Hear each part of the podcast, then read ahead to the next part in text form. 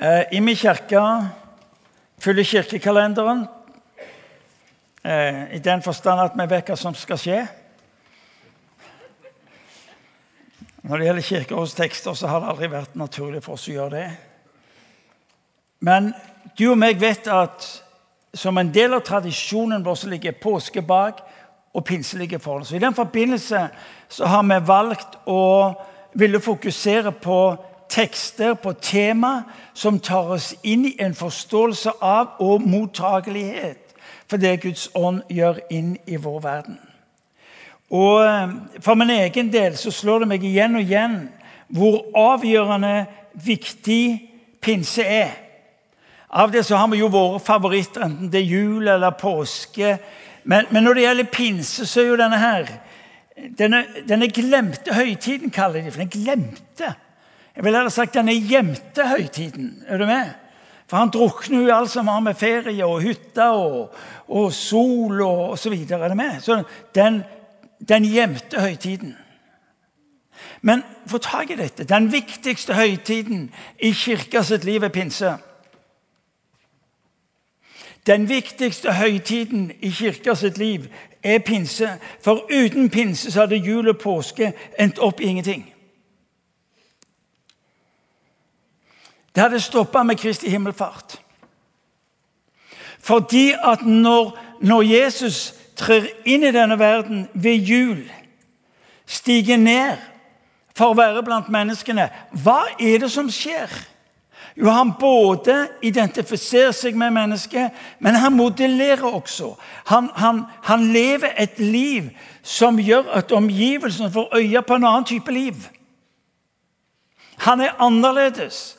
Han snakker annerledes. Han gjør ting som er uvanlige.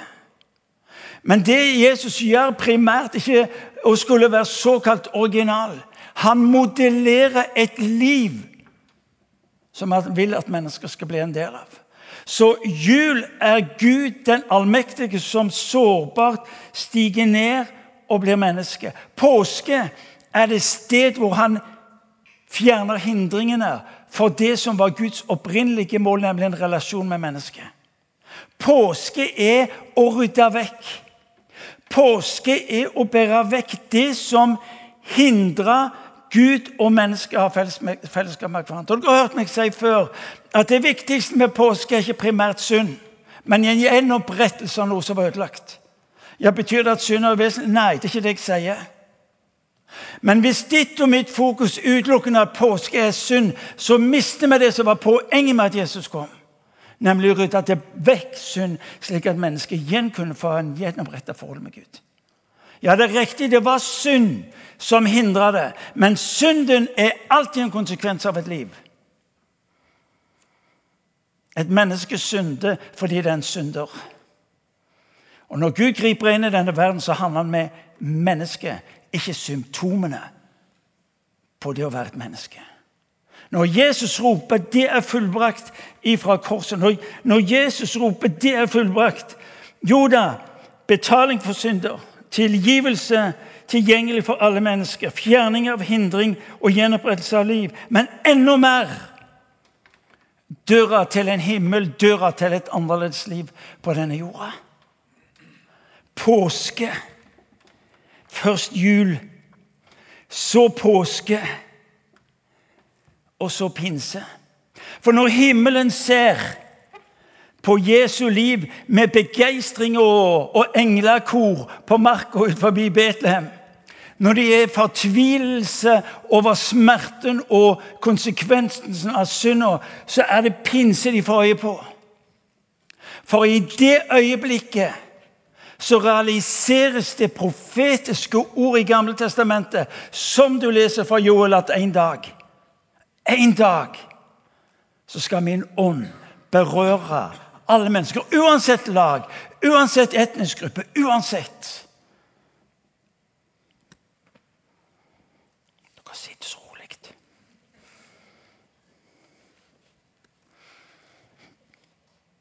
Uten pinse sier så hadde jul og påske vært forgjeves. For det hadde stoppet opp. Kristi himmelfartsdag. Han kunne ha sagt til disiplene sine vet du hva? Nå har jeg gjort mitt. Have a good day. Bless you. Og så kan han, Ja, da hadde det stoppet der. Er dere med meg? Ja. Ser dere viktigheten av hva pinse er? Det var en som sa det til meg i dag. Du vet hva, Martin? Pinse er jo som når, når Jesus dør på korset og står opp første påskedag, så har han jo pokalen. Han er seierherren. Og pinse er at han gir oss pokalen, og så sier han 'spring videre med han'. Så folk skjønner at det er en kamp som er vunnet, og det er en seier vi alle blir en del av.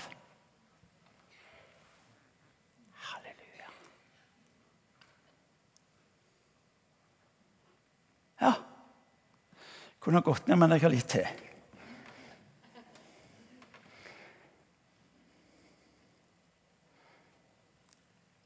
Guds ånd for alle mennesker i et liv som er modellert av Jesus. Jesus satt standarden. Så pinse er ikke bare en sånn nei, religiøs høytid.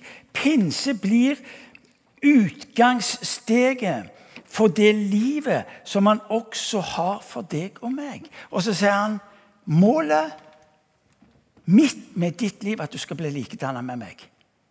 Han har satt standarden. Ja, det er mulig. Nei, ikke hvis du tar deg sammen. Det blir bare rot. Men hvis du lar Hans ånd få ta bolig i deg på en slik en måte at det styrer Ja, da er alt mulig. Jeg husker når jeg møtte den såkalte karismatiske vekkelsen. Vi bruker aldri begrepet om i meg som karismatisk menighet. Det er helt meningsløst. Fordi at alle kristne som har mottatt Guds ånd, det gjør du når du blir en kristen, er per definisjon karismatiker. Bare til orientering. Ja.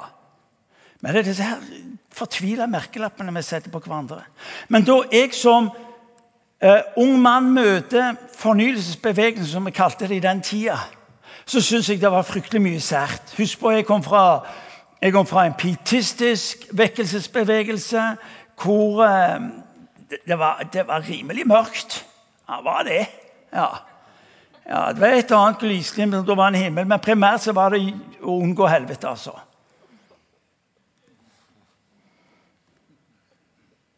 Var det? Og på et vis så var livet sånn å være redd mest mulig for å sikre at du ble bevart slik at du å komme til himmelen. Kan du tenke noe så sprøtt? så møter jeg altså mennesker. Og så møter jeg et liv, og så tar seg inn i en måte å tenke på som jeg tenker ja, men Det er det som folk har snakket om, det er jo det, er jo det som står i Bibelen. Når du og meg blir i tvil, kan vi ikke heller slå opp i Bibelen og finne ut enn å høre på de som vet så gysla mye? Det er en antydning. Men jeg ble tatt inn i en ny måte å tenke på, en ny måte å handle på, hvor, hvor Kristus Det vokste fram en trosfrimodighet. Hvor løftene var ikke bare sånn Guds ønskelister for våre barn, men løftene var jo hans bekjennelse over våre liv. Når du og meg leser Bibelen og leser om løftene, så er det hans bekjennelse over ditt og mitt liv.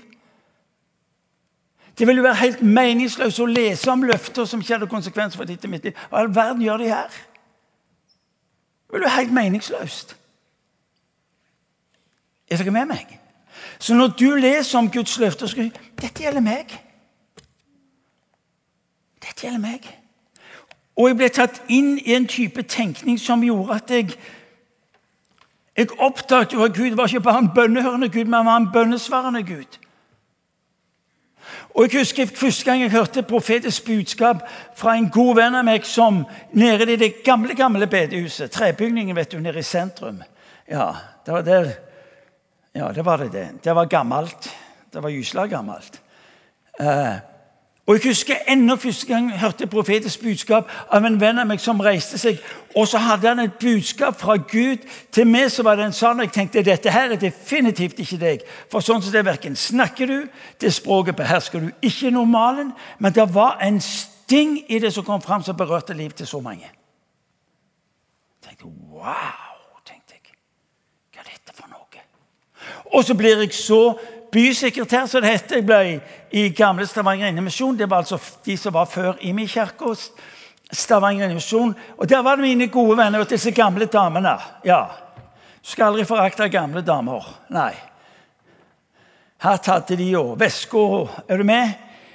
De, de brant for Guds rike, vet du. Ja, de gjorde det. Og så hadde de en sånn respekt for meg. Kan du tenke en ungsau? Nettopp fylt 28 år og visste jo ikke hva jeg holdt på med. Nei, ja, til dere som 28 år og litt til. Dere er ungsauer. Dere bare kjenner det.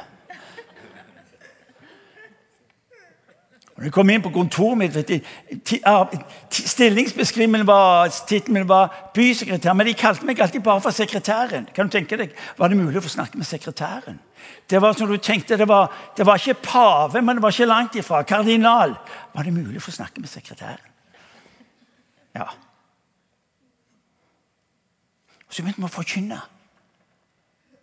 om Guds ånd og Guds ånds betydning, Guds plan for våre liv. De skjønte ikke så mye av det, men de heia på meg. For de hadde tillit til alt jeg sa. Det var tida, det.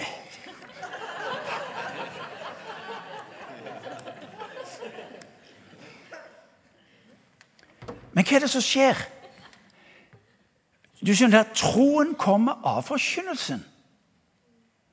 Så vi begynte å forkynne det fram. Og det vi ikke selv hadde greie på, der lånte vi folk inn, og så, og så forkynte de det fram. Og så, og så besøkte vi stedet, og så fikk vi hjelp til å leve et trosliv som ga oss gysla mye frimodighet. Gjorde det? Ja, Det er ikke alle som forsto oss. Ja, altså, De som ikke gikk i kirke eller bedehus, de skjønte jo ikke hva vi holdt på med. Men, men, men, selv de som gikk i kirke og bedehus, de, de skjønte ikke helt hva vi holdt på med. Men det gjorde ikke så farlig. Fordi at vi, vi opplevde at Gud tok oss inn i en dimensjon hvor Den hellige ånd rådde grunnen.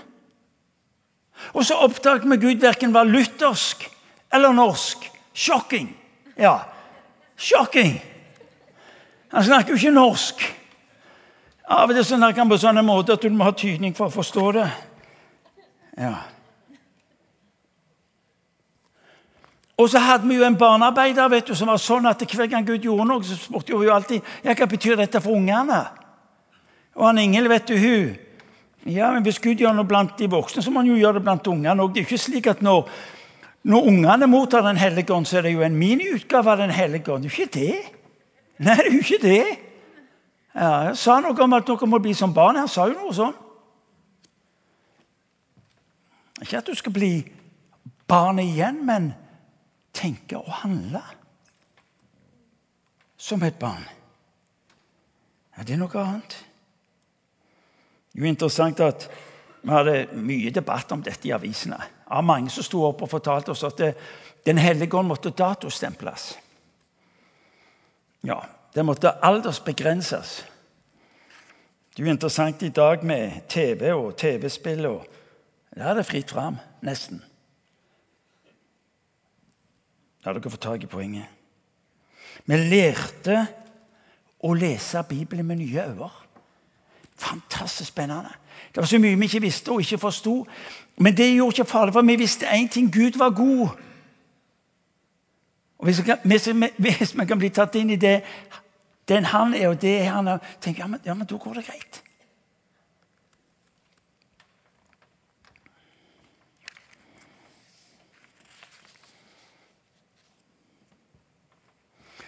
Denne tida lærte vi at det fins ingen umulige situasjoner.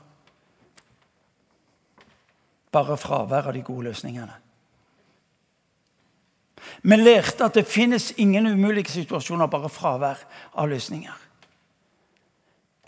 Og Gud tar oss på en vandring hvor vi oppdager at han egentlig møter oss med en utfordring. 'Jeg har gitt dere det dere trenger, men det dere vil ha, må dere gå for.' Når du og meg leser Bibelen, så oppdager vi at Gud taler til oss. På den ene sida så har han gitt deg å gå med noe du har fra fødselen av fra oppveksten av. Men så er det noe han sier til vet du hva? Jeg har noe å gi deg, men du må jage etter det. Når Paulus snakker til menigheten i Korint om, om profeti og tungdom, så dere må jage etter det. Dere må ikke gå glipp av det. Og Så sitter noen og tenker nei, det liker jeg ikke. Jeg er ikke sikker på om jeg får tungtallet profeti. Du, er jo galen. Altså Hvis allmaktens Gud sier 'dette har jeg for deg', så skal jeg sitte der og så Nja Dere er med meg? Ja. Hvor i all verden kan vi som tilnærmet oppegående mennesker Tilnærmet Drive på og skalte og valte med det Gud har lovt for ditt og mitt liv. Så vi var altså der i, som disse unge umodne. Vi tenkte, vet du hva? Gud, tal, Gud handler med oss, Gud taler til oss. På den ene sida gir oss Den hellige ånd til frelse, til liv, til gjenopprettelse, til relasjon, til karakterbygging osv. Åndens frukter. Men så oppdager vi at Den hellige ånd kommer til oss med tanke på tjeneste. Hva var det han sa for noe? Han sa til disiplene Vent i Jerusalem. Vent i Jerusalem til dere har mottatt kraften fra det høye. Og så ut og bety en forskjell. Altså, på den ene sida så mottar du, og den andre sida så jager du. Den dynamikken er det han henter oss inn i. I det er det han ønsker å se sitt liv. Hør nå. Et liv plassert i hans liv, det er invitasjon. Hva vil det si å være en kristen? Det å bli plassert i Jesu liv. Altfor ofte som er opptatt når han skal plasseres i vårt liv. Hør, folkens, jeg skjønner jeg skjønner hva dere mener når vi sier 'Jesus kom inn i mitt liv'. Men det er godt mulig at vi skulle våge å si 'Jesus, vil du ta meg inn i ditt liv'? Vil du, vil du ta meg inn i det som er av deg? For det hjerterommet mitt det er til tider både kronglete og trangt og smalt og beregnende. Jeg vet ikke hva som finnes inni det der.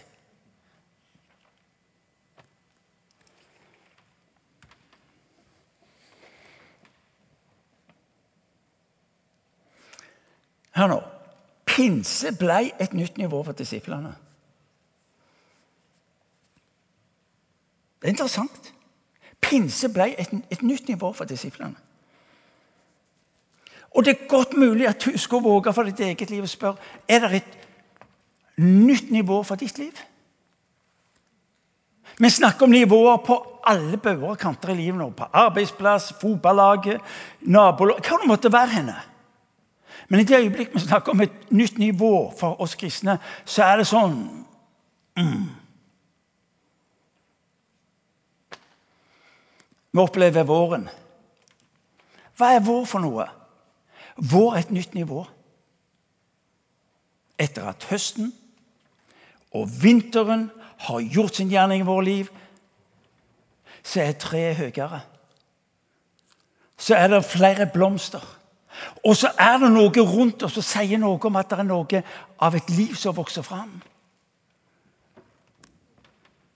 Når du og meg feirer pinse, når du og meg tas inn i denne prosessen hvor vi skal møte en Kristus som sier til disiplene sine at det er til det gode for dere at jeg forlater dere. Hadde jeg vært i den flokken, hadde jeg sagt Hør nå, Jesus. Realitetsorientering.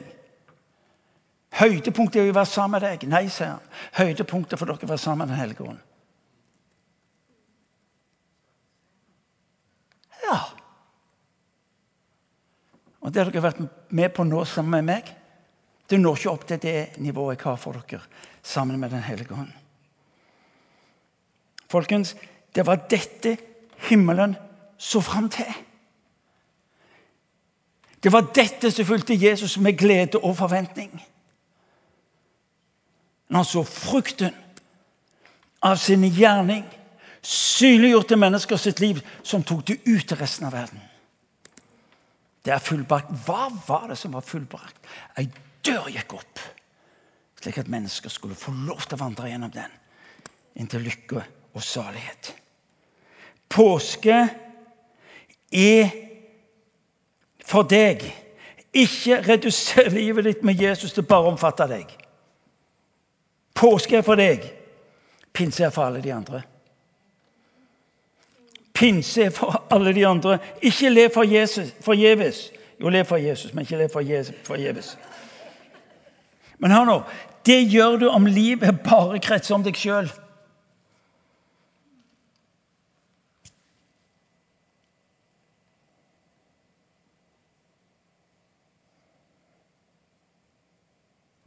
Pinsa ble en del av Guds bevegelse. Jeg har steget ned, sier han. Jeg har gitt dere det dere trenger. Nå trenger jeg ikke at dere går med meg. Når du gjør Den hellige ånd til sentrum i ditt liv, vil alt annet vil alt annet forandres. Når Jesus' siste ord er om Den hellige ånd, så må det jo ha vært avgjørende viktig for ham at du er med å forholde oss til å få tak i det.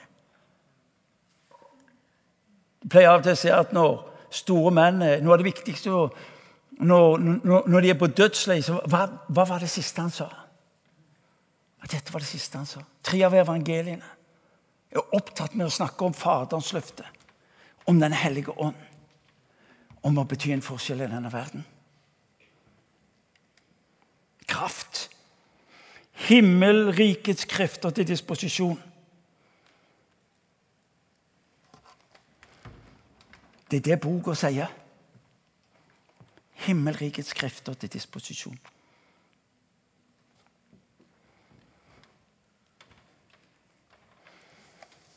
Vent til Jerusalem. Dere skal motta krafta for å være mine vitner. Kraft er kobla til vitne.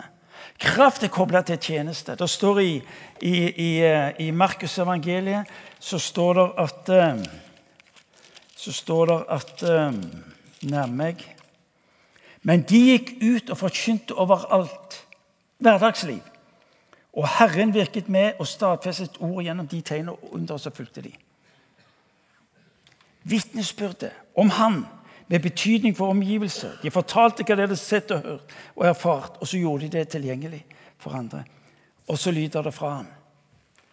Derfor vent. Vent. Ja, vent, sa Jesus, dere skal motta kraft fra det høye. Faderens løfte. Fordi du trenger det. Dette er viktig å få tak i. Du hørte meg si når du starter med Den hellige ånd, så vil du ende opp med Jesus. Når du starter med Den hellige ånd, heldige, hellige ånd, vil du ende opp med Jesus. Hvorfor? Fordi Den hellige ånd herliggjør Jesus. Folk skaper en sånn en kunstig motsetning at hvis det blir for mye av Den hellige ånd Han skal herliggjøre meg, sier Jesus. Han skal ta av alt mitt og gi dere. Han forteller, sier han, det som Faderen gir han å si.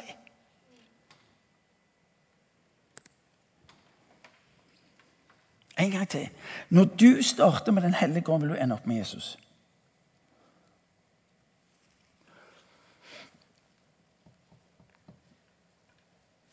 Få tak i dette. Hans mål er alltid å ta oss inn i sitt før han sender oss ut. Når han sier til, til sine venner og disiplene Hør nå, før dere begynner å styre på egen hånd, ønsker jeg å ta dere inn i det som er av meg, av mitt. Ikke begynn å bevege dere før jeg har gitt beskjed. Det er mulig at Peter og Jakob og Johannes tenkte med skyld at ja, hvorfor vente? De var jo allerede kvalifisert. De hadde jo hatt spesialutdannelse i tre år. De hadde hørt planene om å, om å ta Judea, Samaria og like til. De, de kjente jo det. Men dere må vente. For hvis ikke, så går du ut med det du tror du har, istedenfor å motta det jeg ser at du trenger.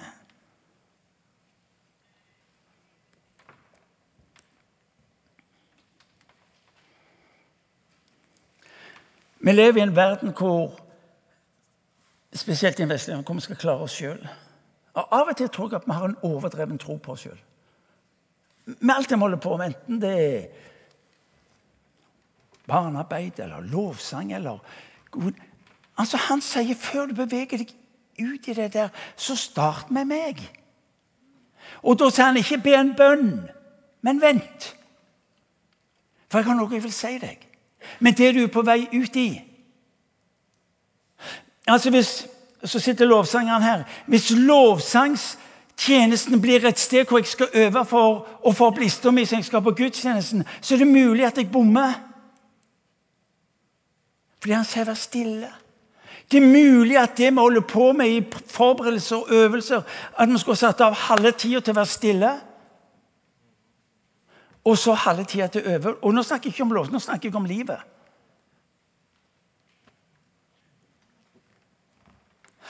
Ja, Er det fordi han ikke stoler på oss? Nei, det er ikke poenget. Poenget er bare at han er så intenst opptatt med at du skal få med deg det han har for deg.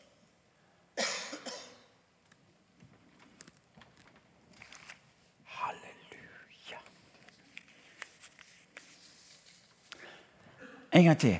Han vil først ta deg inn i det som er av sitt, før han ber deg om å gå ut med det som er hans. Ja, Cirka sånn.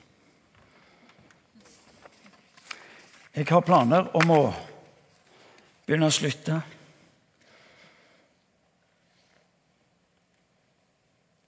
Hvis Jesus sa til deg 'bli i byen til dere er mottatt det som en far har lovt for dere', så aner jeg at vi hadde sammen blitt værende i byen. Hadde vi ikke det? Vi har ikke tatt sjansen. Det er godt mulig at det ord skal få lov til å treffe oss. Hvor vi våger, og, og nå kan vi trene litt framover til pinse så OK, hvordan kan jeg sette av tid? Vent. Hvordan kan jeg vente?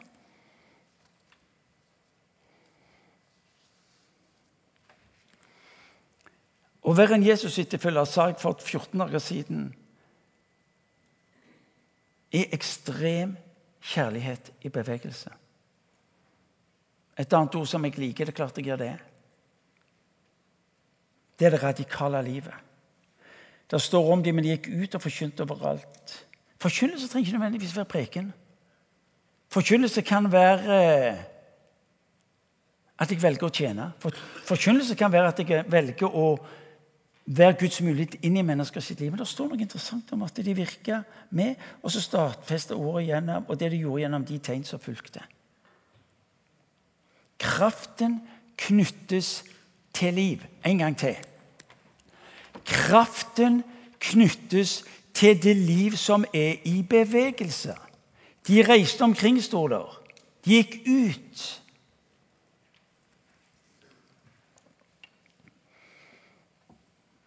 Radikal etterfølgelse har først og fremst med å la Guds ånd få være herre i ditt og mitt liv. Og dere sitter her, og jeg vet på nesten alle de av dere som jeg kjenner, så vet jeg at det er deres bekjennelse. Hvis ikke så hadde dere ikke vært her. Dere har en bekjennelse, Jesus. Jeg ber om at du skal la ditt liv, det radikale liv, få lov til å være det som fyller og styrer og gir retning for mitt liv. For et utgangspunkt! For et utgangspunkt!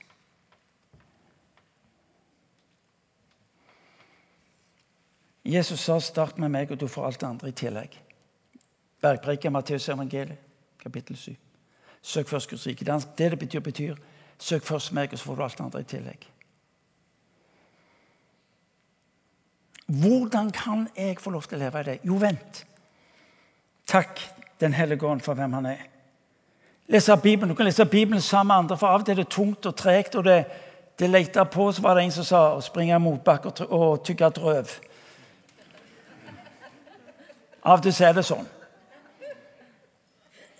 Er det det å kunne lese Bibelen sammen med andre? Ja, men, men det er en hjelp. Bønn- og lovsangskvelden som har om tirsdagen Det er klart dere burde vært der hele bonden. Klart det. Hvorfor det? Jo, én ting er at Danne og meg er der, men, men, det er det minst viktige. Men et sted hvor vi våger å være for Guds ansikt i bønn og lovsang så lenge at det er noe som skjer ved måten vi tenker på. Det er et sted hvor vi får erfare at det profetiske slår inn i våre liv og setter mennesker fri. Det er et sted hvor vi hører vitnesbyrd om hva Gud gjør i enkeltmenneskers liv, med betydning og forandring. I denne ventetida, la oss, la oss være stille. En god venn av meg han fortalte at han, han var så pressa, dyktig forretningsmann, han var så pressa og kommet opp i en krevende situasjon. Han visste ikke hva han skulle gjøre. Jeg husker jeg snakket med han og så spurte hvordan går det sier jeg. Nei, det, jeg vet ikke hva jeg skal gjøre. Det er helt fastlåst. Og så forteller han En dag så tok han eh, alle ringpermene sine så gikk han inn i kapellet her inne. og Så la han de ned foran korset og så satte han seg ned og så var han, Jesus, jeg vet ikke hva jeg skal gjøre. Du må komme og hjelpe meg. Og Så kommer det inn en, en fyr som han ikke visste hvem som var. Og så, og så begynner denne fyren å spille, og så synger han en sang, og så er det rett inn i livet hans. Så jeg han to-tre dager senere og hvordan går det med deg. sa jeg.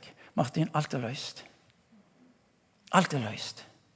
For jeg legger det ned, erfarer Guds nåde, og det er løst. Hør nå. Før Gud ber deg om å gå ut, så ber han deg om å komme inn og være hos han, så han kan få gi deg det du trenger. Bare betyr denne forskjellen.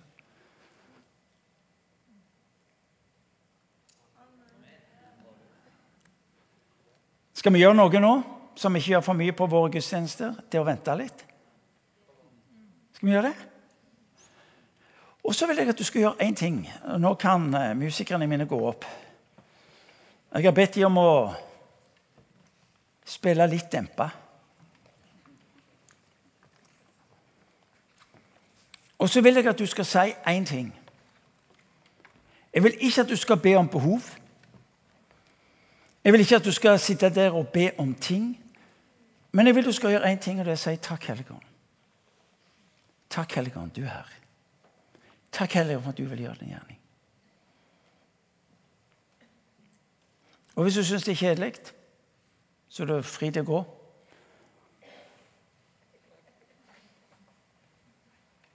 Men kanskje dette er det viktigste vi gjør i kveld. At du får lov til å være stille og bare vente. Være den her ventemoduset. Takk, Helligånd. Skjønner du noe av det? Nei da, det gjør du ikke sannsynligvis. Men det gjorde ikke de første disiplene heller. Satt der i Jerusalem. Venta dag etter dag. De visste ikke hva tid det skulle De bare satt der. Så venta de. Og så er himmelen i bevegelse, og så slår det ned i deres liv. Så dere kan bare begynne å spille dempa. Hvorfor, hvorfor, bruker jeg musikk? Jeg leser i Gamle Testamentet at da profeten skulle profetere, så sendte han bud på harpespilleren. står det, Så begynte han å profetere. Det det er vår tids harpespillere. Med litt attåt. Du kan sitte. Du kan legge deg på gulvet. Du kan gjøre det som kjennes godt for deg, når du skal vente. Og så skal vi altså være stille. Så skal vi få lov til å bare være her. Og så skal du få lov til å si takk, Helligånd. Takk, Helligånd. Eller kom, Helligånd. Men det er bortimot alt det jeg vil du skal si. Så ikke så blir du distrahert av alt det du ser du trenger. Så Hellige Ånd, vi takker deg fordi du er mellom oss. Du kom en gang, den gangen for disiplene i Jerusalem. For vi ber deg ikke om å kopiere, men for vi har behov for sterkt å uttrykke at hvis de trengte den berøringen, så trenger vi det enda mer. Vi bekjenner Gud at kallet til å bety en forskjell i verden oppleves overveldende. Og å bekjenne seg Gud, vi vet ikke helt hvordan. Derfor griper vi tak, Herre Jesus, fast i ditt løfte. Om at du vil utøse av din ånd over all kjød. Og jeg ber om det nå, Herre. Ta oss inn i en vandring her i dag og disse dagene, Herre, hvor vi bare får lov til å ta imot. Berørt av din ånd. Så takk, Hellige Ånd. Takk, Hellige Ånd.